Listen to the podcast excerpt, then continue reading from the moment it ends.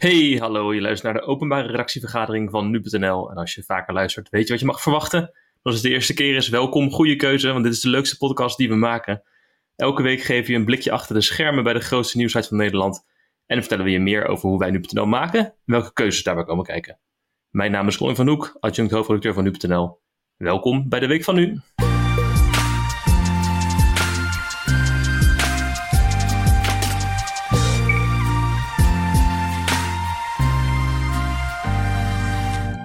Hey Julien, welkom. Leuk dat je er weer bent, Colin. Ja. Eh, Gert-Jaap is volgens mij een weekje op vakantie. Nee, ik, ik dacht het maar één dagje vrij, geloof ik.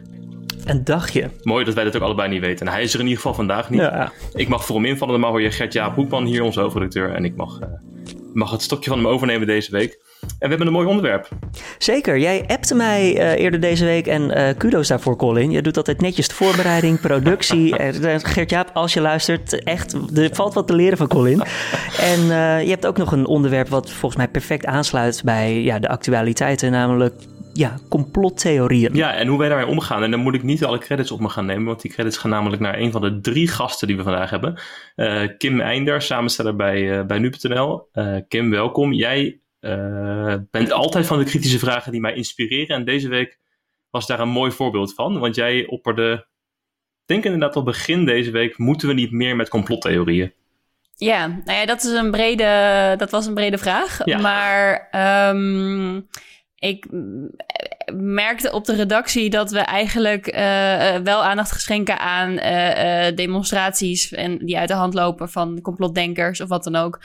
Maar dat eigenlijk met het hele gegeven wat complotdenkers denken dat klopt, dat we dat eigenlijk straal negeren. En dat doen we volgens mij bewust, omdat we zeggen: dit moeten we geen podium geven en niet groter maken. Terwijl ik denk, ja, maar moeten we het niet alsnog enigszins serieus nemen en juist, uit laten, en juist laten zien van ja, maar hé, hey, wat, wat hier wordt verteld, dat, dat klopt helemaal niet. Dat is nergens op gebaseerd. Nee, maar precies daar gaan we het vandaag over, over hebben. Ehm, en toen dacht ik het ook wel even handig om eh, Shannon Bakker uit te nodigen, onze factchecker. Shannon, welkom. Jij hebt eh, meer ervaring met het eh, factchecken van complotten en dingen die niet waar zijn. Ja, ja, inderdaad. Want factchecken bij nu.nl is dus ietsjes breder dan alleen eh complot. Eigenlijk een stuk breder. Gewoon onwaarheden. Wel voornamelijk die op sociale media rondgaan.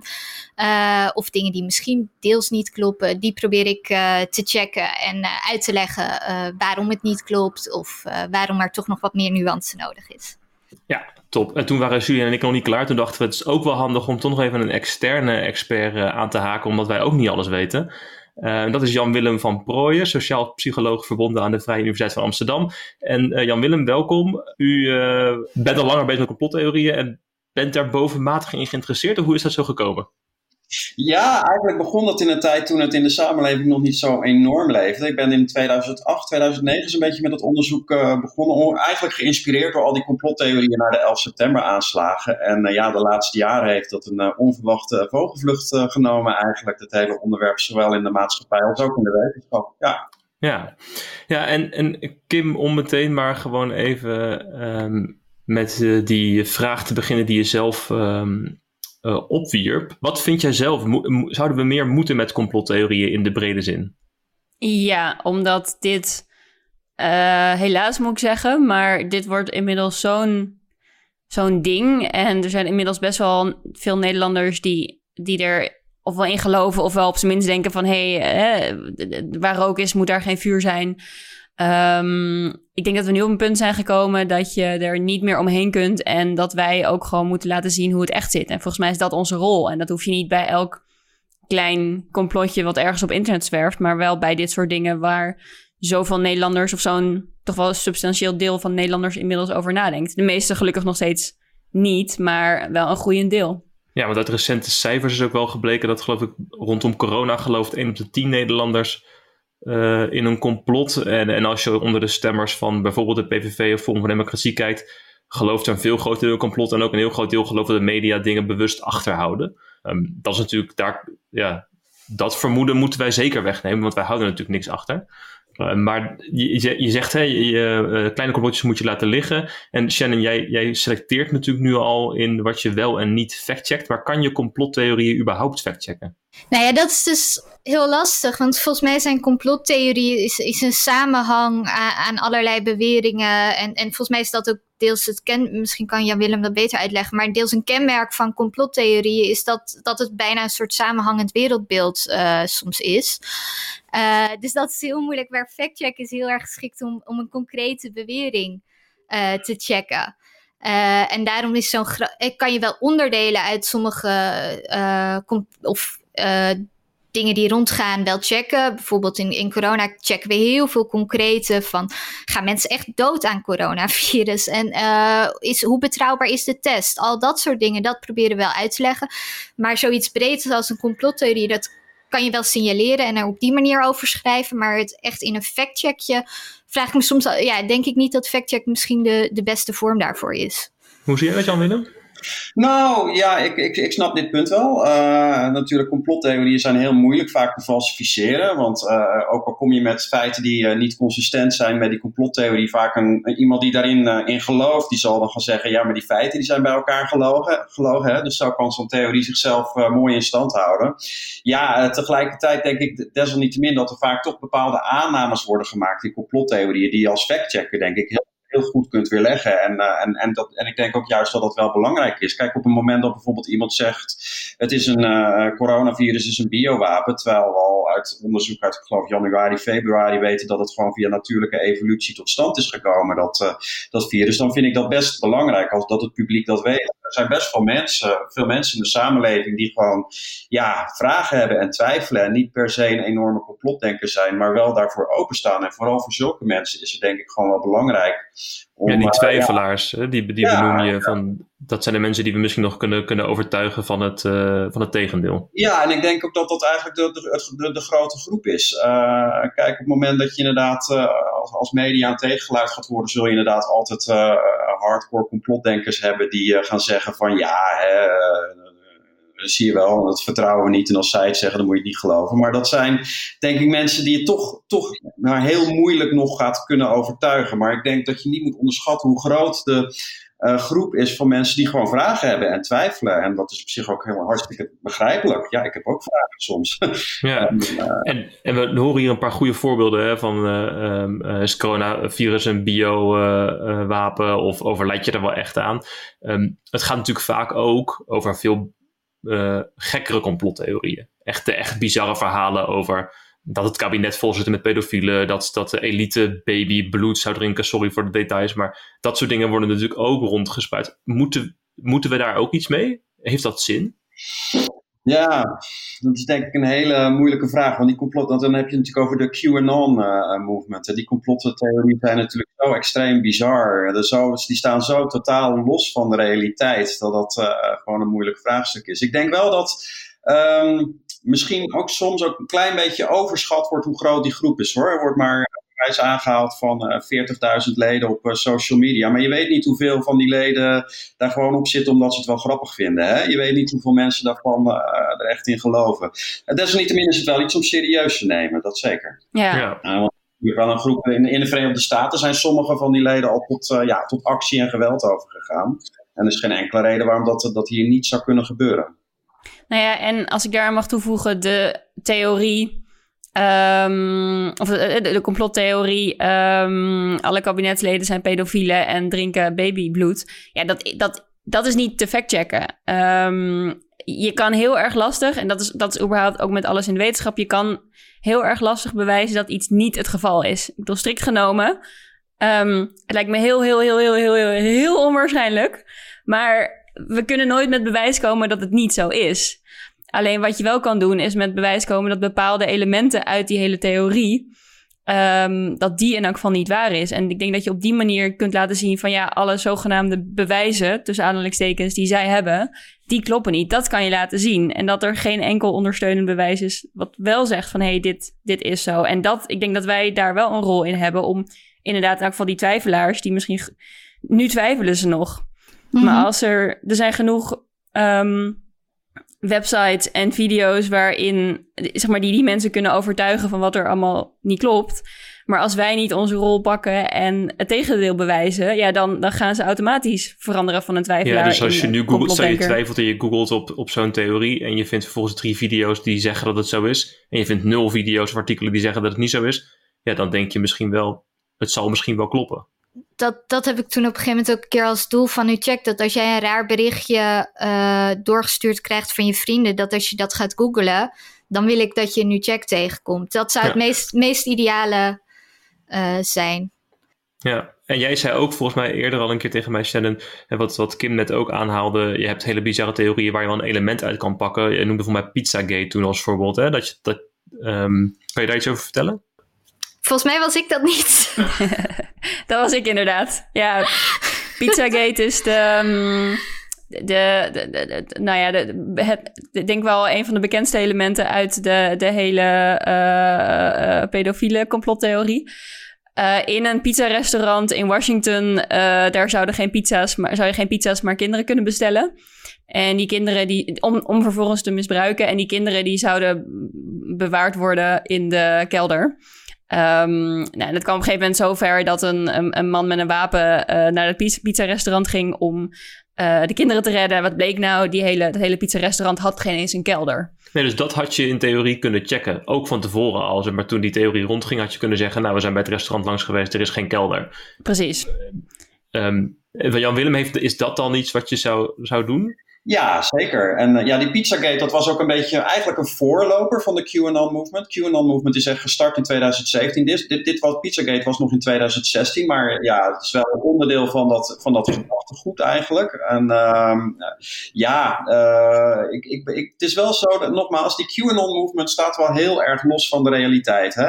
Dus, daarin kun je inderdaad, daar, dit, bedoel, het is ook al uitvoerig in de media geweest dat daar helemaal geen, geen kelder was. En dat daar, uh, ja, dat, dat, die man die, uh, die kinderen kwam bevrijden. Ja, eigenlijk met, een, met een wapen een restaurant in kwam waar echt gewoon alleen maar mensen onschuldig een pizzatje zaten te eten eigenlijk. Uh, maar ja, nog steeds binnen de QAnon-movement zijn er gewoon mensen die, uh, die nog steeds denken dat, uh, dat er inderdaad codewoorden zijn als pizza's bestellen. Dat is, dat, ja, precies. Dus zelfs dat bewijs van dat, het daar, hè, dat de FBI ja. daar binnen is, is, is, geweest, dat er geen kelder was, ja. dat is nog niet genoeg bewijs voor die groep geweest. Nee, nee ja, kijk, want dan, wordt het door de media gebracht en dan gaan zo, gaat zo'n lid van die beweging rustig zeggen van ja, nou ja, waarom zouden we dat vertrouwen? Dat is dat ja. wordt ja. En wij schrijven natuurlijk ook niet specifiek voor deze, deze doelgroep. Hè. We, we hebben een hele brede brede doelgroep bij nu.nl die proberen te voorzien van de juiste informatie. En Shannon, hoe maak jij dan nu de selectie van wat je wel en niet meeneemt? Je zei net al, dat doe ik grotendeels op wat rondgaat op social media. Wat, wat voor mij dus een criterium is, en daar moeten we wellicht kritisch naar kijken of dat het juiste is. Want het is heel lastig om in te schatten inderdaad hoeveel mensen iets geloven. Maar voor mij ga ik checken als ik zie dat het dus ook buiten. Je hebt een paar websites, daar weet je, daar worden regelmatig onwaarheden en complottheorieën op, vers, op verspreid. Maar zie je het ook bijvoorbeeld op ons eigen reactieplatform. Nu jij, uh, krijg ik het in de mail binnen. Gaat het buiten soort van dat, dat hele klein, relatief kleine clubje dat echt in die diehard complotten. Maar wordt het groter dan dat, dan, dan is dat voor mij een moment om te gaan checken. En er is geen keiharde maatstaf voor. Uh, maar dat probeer ik bijvoorbeeld door te kijken hoe vaak iets gedeeld, op wat voor pagina's, uh, wel zo een beetje in te schatten. Ja, en, uh, eerder dit jaar hebben we wel een wat grotere complottheorie meegenomen, die volgens mij juist buiten dat kleine groepje ging. En dat was de hele theorie rondom het coronavirus en Bill Gates, toch? Ja, dat kwam ik op een gegeven moment in zoveel varianten en op zoveel plekken tegen. Dat we ook een iets meer analyserend artikel hebben geschreven van hoe kan het nu dat Bill Gates constant in verband met corona wordt gebracht. Dus deels schrijven we ook wel van er is geen grond voor deze beweringen, maar we proberen ook de lezer die misschien helemaal dit nog niet heeft gehoord, uh, op de hoogte te stellen: hey, dit, dit is aan de hand, dit lijkt vrij breed rond te gaan. Waar komt het vandaan? Uh, en, en dat soort vragen ook te, te beantwoorden. Hoe zijn dan de reacties die jij hierop krijgt, Shannon, van onze lezers? Nou ja, Bill Gates was, was vrij extreem. Uh, de, de groep die daarin gelooft is, is een vrij heftige groep. Dus daar uh, nou, krijg je ook via mijn persoonlijke social media accounts. Lange Frans is een veel betere journalist dan jij. En uh, nog wat minder aardige dingen. Uh, maar, maar algemeen... ik zie ook wel heel vaak ook nu jij positieve reacties ja, op jouw factchecks. Dat, dat, dat wou ik zeggen. Ik krijg ook best wel vaak mailtjes met mensen die me bedanken. Ik zie ook heel vaak dat uh, iemand al zegt van ja, ik heb het even naar de familieleden gestuurd. en uh, dat het echt daar ook deels voor wordt gebruikt. Dat als er oneenigheid is in de familie-app, uh, dat er een nu checkje wordt gestuurd.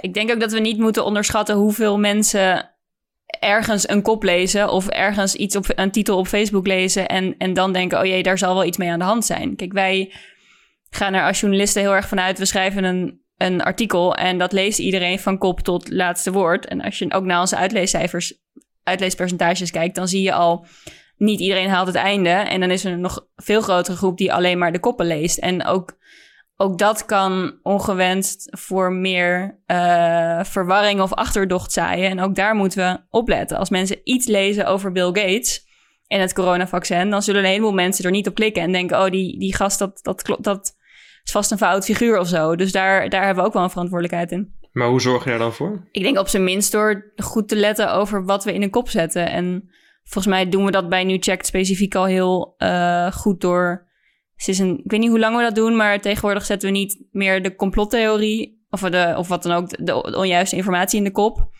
Maar juist meteen dat het niet klopt. De, hoe lang doen we dat, Shannon? Oef, al zeker anderhalf jaar. Ja, echt al wel vrij lang hoor.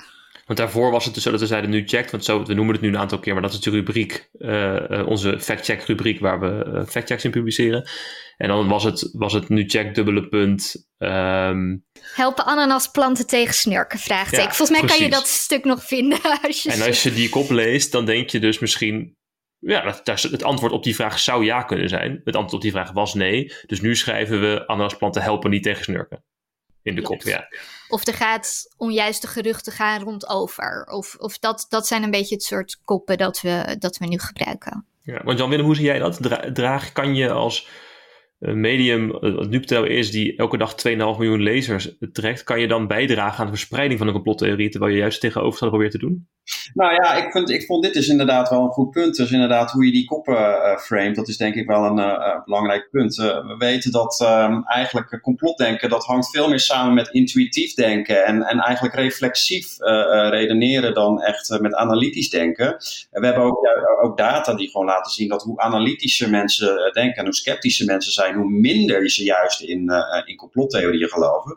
Dus ja, complotdenken hangt heel erg veel samen met ja, snelle indrukken, afgaan op je intuïtie. En als er dan een onduidelijke kop staat boven een uh, artikel die lijkt te suggereren dat een complottheorie toch klopt, terwijl de inhoud van het artikel iets anders suggereert, ja, dan heb je inderdaad het risico dat mensen alleen die kop lezen en vervolgens doorklikken en uh, of het voorwoorden van, van zie je wel. En uh, ja, dus dat is, ja, ik denk dat dat wel een, een goed punt is. Dat, dat ja, dus die, die koppen zijn handig om te doen, maar je zegt het, hè, het is mensen die geneigd zijn die theorie eerder te geloven zijn heel intuïtief en die gaan op een gevoel af. Um, heeft het dan zin om een heel feitelijk stuk te schrijven over dat het niet klopt? Want dat, die mensen staan daar misschien veel minder voor open. Ja, dat denk ik toch wel. Um, uh, dat denk ik toch wel. Ten eerste als je inderdaad uh, gewoon meteen inderdaad opent met uh, van nou ja, hè, is niet zo. Ja, dat is toch tamelijk onambigu voor iedereen. Dat is één punt. en daarnaast nogmaals, er zijn gewoon heel veel twijfelaars die oprechte vragen hebben. En ik denk toch dat, dat je daar best wel veel mee kan bereiken. Kijk, op het moment dat je gewoon vragen hebt en je ziet maar eigenlijk één antwoord terugkomen op, op internet en in, sociale media. En dat is, het klopt allemaal niet wat er beweerd wordt en het is een complot. En er wordt helemaal niks tegenovergesteld. Eh, dan kan het, eh, kunnen, ze, kunnen mensen heel makkelijk toch ja, die richting op, eh, op bewegen. Ja, dat was ook een beetje jouw doel, hè, Kim. We hebben het natuurlijk over complotdenkers.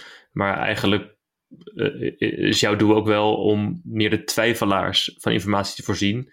En niet zozeer de diehard complotdenkers te overtuigen. Klopt dat? Ja, zeker. En ik denk ook dat we dat daar niet alleen op moeten letten met uh, complottheorieën en complottheorie-twijfelaars, maar überhaupt met alle kritische noten die we kraken, juist nu. Kijk, het is heel dubbel. Het is ons werk als journalist om kritisch te zijn op wat de overheid allemaal doet. Um, en tegelijkertijd kan dat ook meteen weer um, naar de andere kant uitslaan. Mijn kapper die begon uh, vorige week, uh, die had ergens een kop gelezen over dat, dat, het, dat coronavaccin straks, dat is hartstikke gevaarlijk. En um, want hoe kan er nou zo snel een, um, een vaccin uh, komen, terwijl normaal gesproken wordt dat jarenlang getest en dergelijke.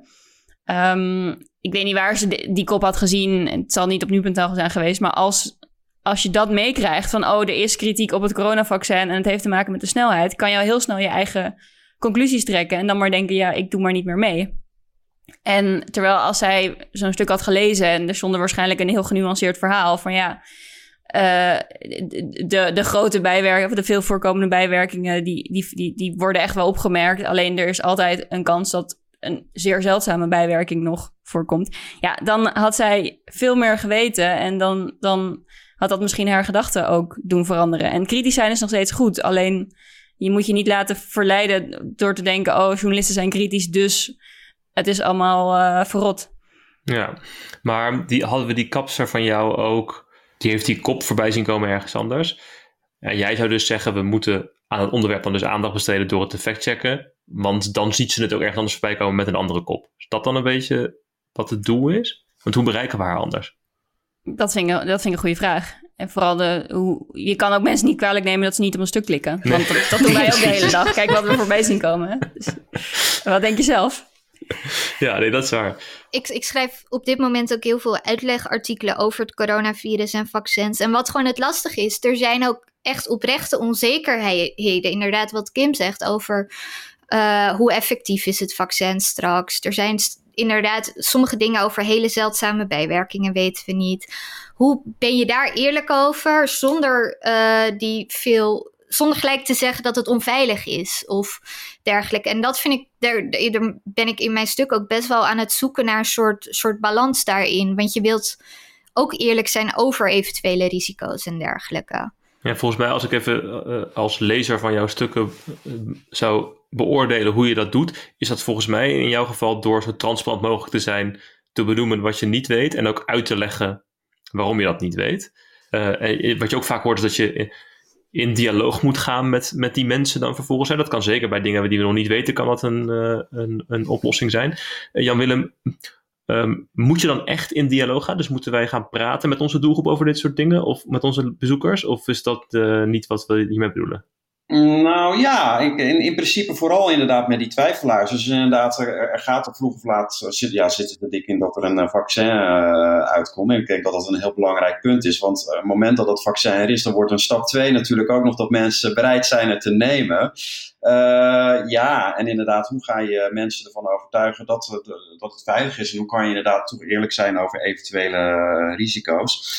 Um, ja, kijk, het punt is natuurlijk op het moment dat zo'n vaccin er is, dan, dan is dat al uitvoerig getest en dat komt niet op de, op de markt als het niet veilig is. En ik denk dat dat wel gewoon een, eh, een belangrijk punt is dat je uit kunt leggen en dat je dat ook gewoon kan toelichten lichten hoe dat, dat uh, in zijn werk gaat. Hoe, uh, hoe mensen tot, hoe wetenschappers tot de conclusie komen dat de, of zo'n vaccin veilig of onveilig is. En ik denk dat dat toch wel ja, uitgelegd kan worden en dat dat toch ook wel belangrijk is. Ja ja, ik was ook wel ja, geïntrigeerd door wat Kim zei daar. Dus dat dat inderdaad iemand, uh, ja, hoe, hoe, kun je die balans leggen tussen kritisch zijn en, en, en, en, en, en versus niet? Ja, weet je. En ik heb ook zoiets van, ja, hoe, ik, ik, denk namelijk dat je best wel kritisch kunt zijn, maar, want hoe kritisch ben je als je al een vaccin gaat uh, afwijzen nog voordat het er überhaupt is? Hè?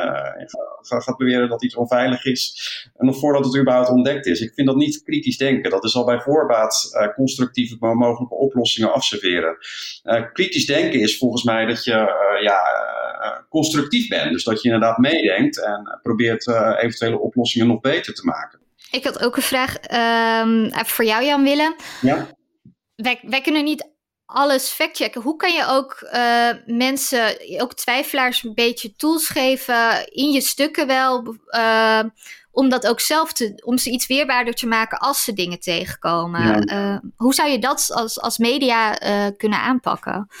Ja, dat is denk ik uh, gewoon heel lastig. Ik, uh, een advies wat ik zelf altijd meegeef aan, aan, aan, mensen is, ja, dat is het wetenschappelijke principe van parcimonie. Dat is nou ja, een mooi woord, maar betekent niet veel meer dan dat de eenvoudigste verklaring vaak de juiste is. ja, heel veel complottheorieën zitten enorm complex in elkaar. Hè? nou, Bill Gates wil nanochips uh, implementeren en heeft daarom uh, een of andere virus ontworpen. Nou ja, hè, dus, daar zitten nogal wat gedachtensprongen in. Ja, hoe, als je er gewoon kritisch over nadenkt, echt kritisch over nadenkt, hoe plausibel is zo'n complex verhaal ten opzichte van het veel eenvoudigere verhaal van, nou ja, zo'n virus is gewoon ontstaan via natuurlijke evolutie, zoals virussen normaal gesproken ook ontstaan. En dat past er gewoon heel goed bij. ja, en daar worden mensen gewoon ziek van en dat is gewoon heel besmettelijk. Kim, het begon natuurlijk een beetje met jouw vraag. Begonnen we dit gesprek en begonnen we überhaupt het gesprek op de redactie deze week. We hebben het hier over de dingen die Shannon wel al doet. Maar zijn er de afgelopen tijd eigenlijk uh, complottheorieën geweest waar wij meer aandacht aan hadden kunnen besteden? Nou, ik had, ik had niet zo ver uitgedacht, eerlijk gezegd. Maar um, ik denk wel dat dat in elk geval iets is om vinger aan de pols te houden. En... Ja, en hoe doe je dat? Ik vind dat ook hoor. En ik vind het zelf lastig, daarom stel ik alle vragen. Het is lekker makkelijk voor mij natuurlijk om geen antwoorden te geven. Echt heerlijk dit. Um, nee, maar wat ik lastig vind, denk ik, ja, hoe vind je dan die complottheorie? Shannon legde net al iets uit over hoe ze de Facebook-tool daarvoor gebruikt om te kijken wat waar gedeeld wordt en zo. Maar hoe kunnen wij nou beter op onze radar krijgen welke complotten er misschien leven die wij uh, zouden kunnen behandelen. Nou, ik denk dat het daarvoor belangrijk is dat we buiten eigen, onze eigen bubbel kijken. Um, is een beetje cliché antwoord, maar wel waar. Uh, ik kijk nou inderdaad al die... Ik, word ook wel eens moedeloos als ik door nu jij scroll de, de reacties op ons platform. En er staan weer allemaal dingen die niet kloppen. Of mensen die denken waar rook is, is vuur. Maar dat leeft wel bij die mensen. En dat moeten we wel serieus nemen. En we hadden een paar weken geleden met uh, de hashtag Ik doe niet meer mee, hadden we ook heel erg de neiging om te denken, ach, het zijn geen experts, het zijn, het zijn BN'ers die geen medici zijn, dus we doen er niks mee. Terwijl dat zijn wel serieuze zorgen van die mensen. En dat was natuurlijk niet helemaal een complottheorie, maar het had wel zeker een aantal van die neigingen. Terwijl als je die mensen alleen maar wegzet als, ah, jij weet niet hoe het zit en je, je praat alleen maar onzin, ja, dan, dan drijven die mensen alleen maar verder weg. En je moet toch in discussie blijven. En daarom vond ik het ook zo goed wat uh, Diederik Gommers, die IC-arts, doet. Het was heel makkelijk om Famke Louise weg te zetten als ah, die weet niet waar ze het over heeft. En, en laat de experts maar gewoon praten. Maar dan krijg je twee parallele universums, universa.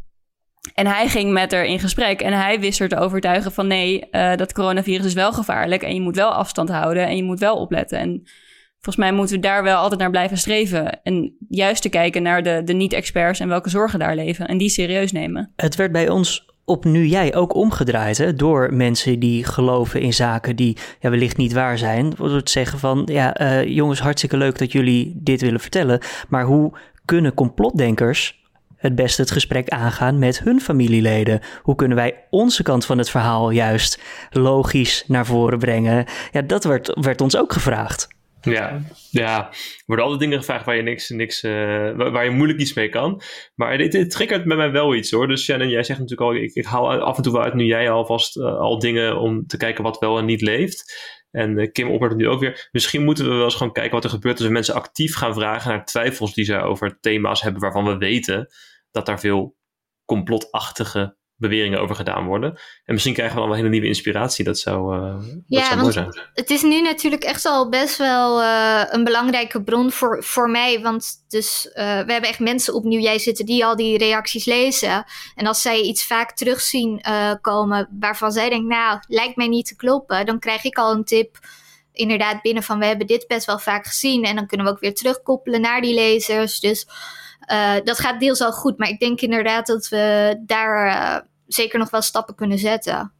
Ja, nou, volgens mij ook. En volgens mij is de conclusie dat we hier vooral even verder moeten praten. Dat we dit niet, dit niet in een half uurtje getackeld hebben. Dat uh, was misschien ook niet, niet helemaal het doel van, van dit gesprek. Um, Jan Willem, heb jij nog um, een laatste advies voor ons in, in de strijd tegen complottheorieën?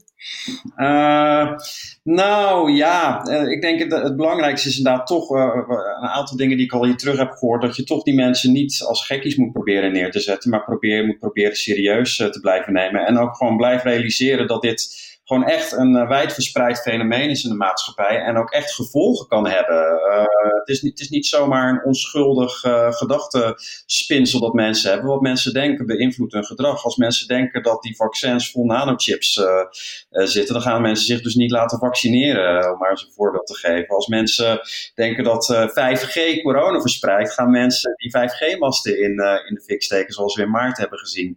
Dus ja, het het heeft gewoon echt consequenties. Dus ik denk, ik vind, ik vind het gewoon belangrijk dat dit op de radar staat. En uh, ja, wat dat betreft vind ik het ook heel goed uh, dat we dit gesprek hebben. En dat dit ook uh, ja, duidelijk op jullie radar staat. Dus dat... Super fijn. Dankjewel allemaal jongens voor jullie, voor jullie inbreng. Um, blijf nog even hangen met jullie en we gaan denk ik over naar mijn favoriete onderdeel. Hè? Post aan nu.nl.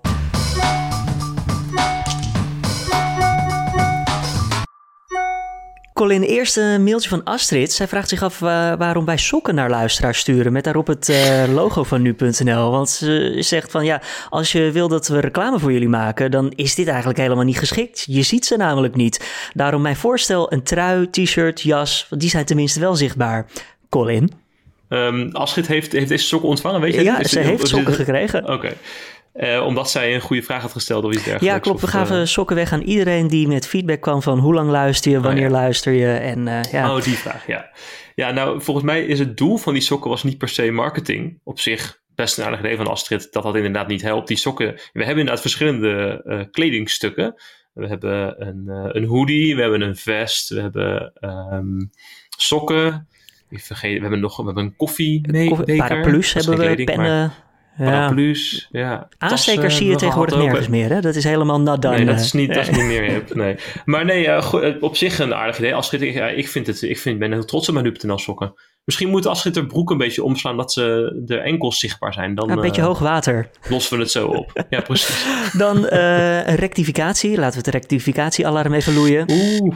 Ja, Jeroen Rijgaard die zegt namelijk in de podcast van maandag zat een foutje. Rond 15 minuten toen werd namelijk gesproken over de Vlaamse premier De Croo. Maar dat klopt niet, want Jan Jambon is de Vlaamse premier. En Alexander De Croo is sinds begin dit jaar de Belgische premier.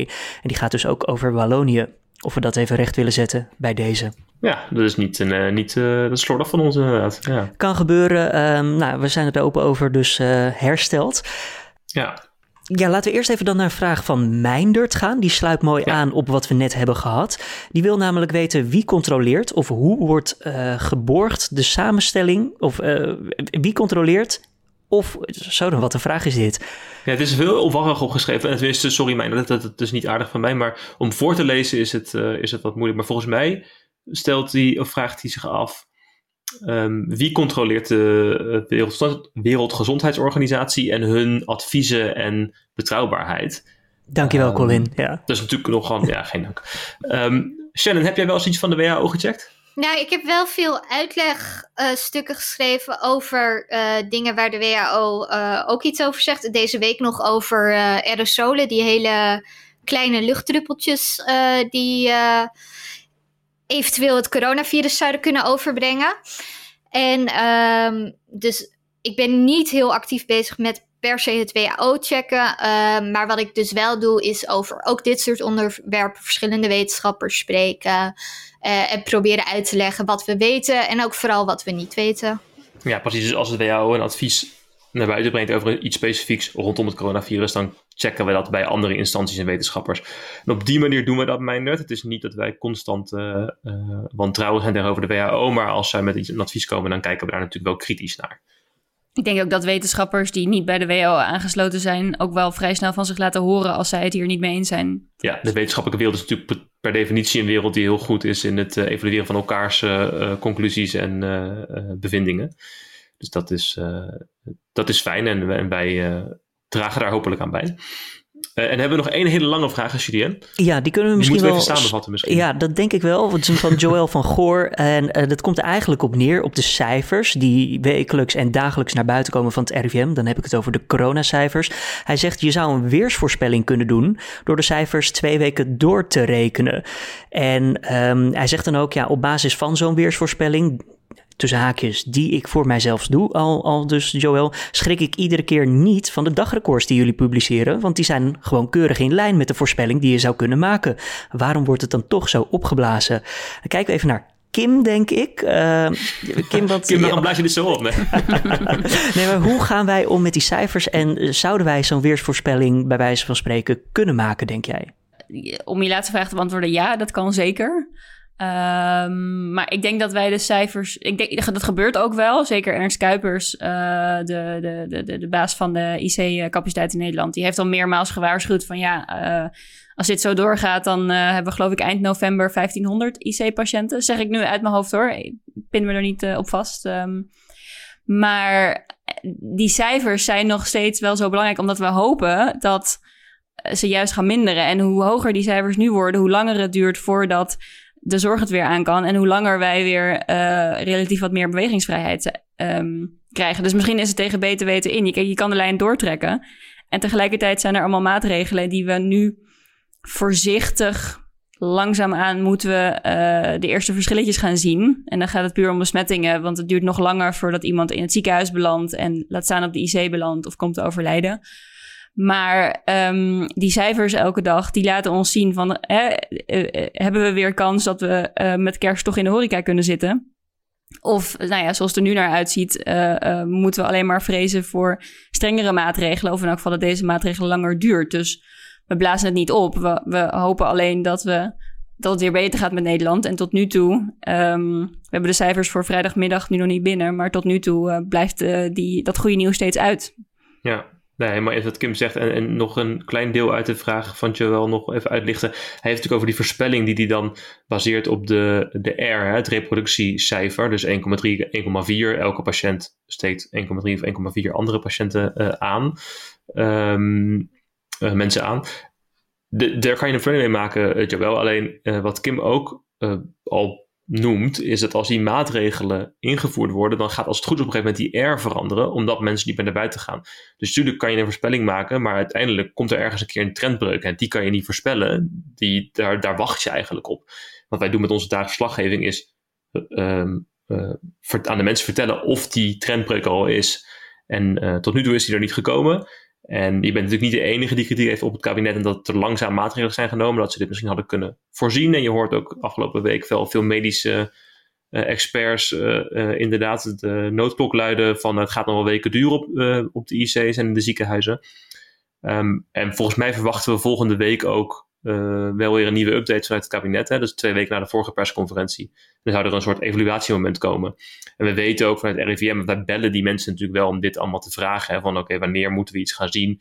We weten uit RIVM dat ongeveer anderhalf à twee weken na die maatregelen hopen ze resultaten te zien in de besmettingscijfers. Zo. Um, dus we houden daar zeker een vinger aan de pols. Alleen wij kunnen nog niet zoveel met die voorspelling, omdat die geen garanties geeft. Zo lang antwoord zeg, lange vraag. Ja, antwoord. nou ja, goed. Uh, ik hoop dat Joe in ieder geval tevreden is met, uh, met het antwoord dat hij bij deze heeft gekregen. Heb je nou ook een vraag voor ons, voor de redactie, voor een van onze schrijvers, journalisten, wat dan ook? Stuur dat eventjes toe via podcast.nu.nl, laat het weten. En misschien kunnen we er zelf een podcast van maken, een artikel over schrijven of behandelen hem volgende week met, uh, ik denk dat Gert-Jaap dan weer terug is, Colin? Ja, volgens mij wel. Ik heb niks in mijn agenda staan, dus ik ga ervan uit dat hij hier gewoon weer zit. Ja, en anders word je last minute ingevlogen, is het altijd gezellig. Dus podcast nu.nl als jij een vraag voor ons hebt.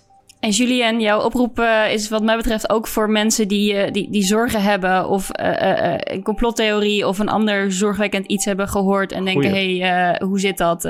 ook dat horen we graag. Het hoeft ook geen ja. complottheorie te zijn. Het mag ook echt, als jij iets hebt waarover je zorgen maakt en denkt, dit gaat helemaal de verkeerde kant op of ik weet niet wat ik hiervan moet geloven of waar rook is, is vuur, laat het ons weten, dan duiken we daarin. Zeker, bedankt voor die toevoeging en bedankt voor het hele gesprek. Kim, Shannon, Jan-Willem, super bedankt. En um, uh, tot later.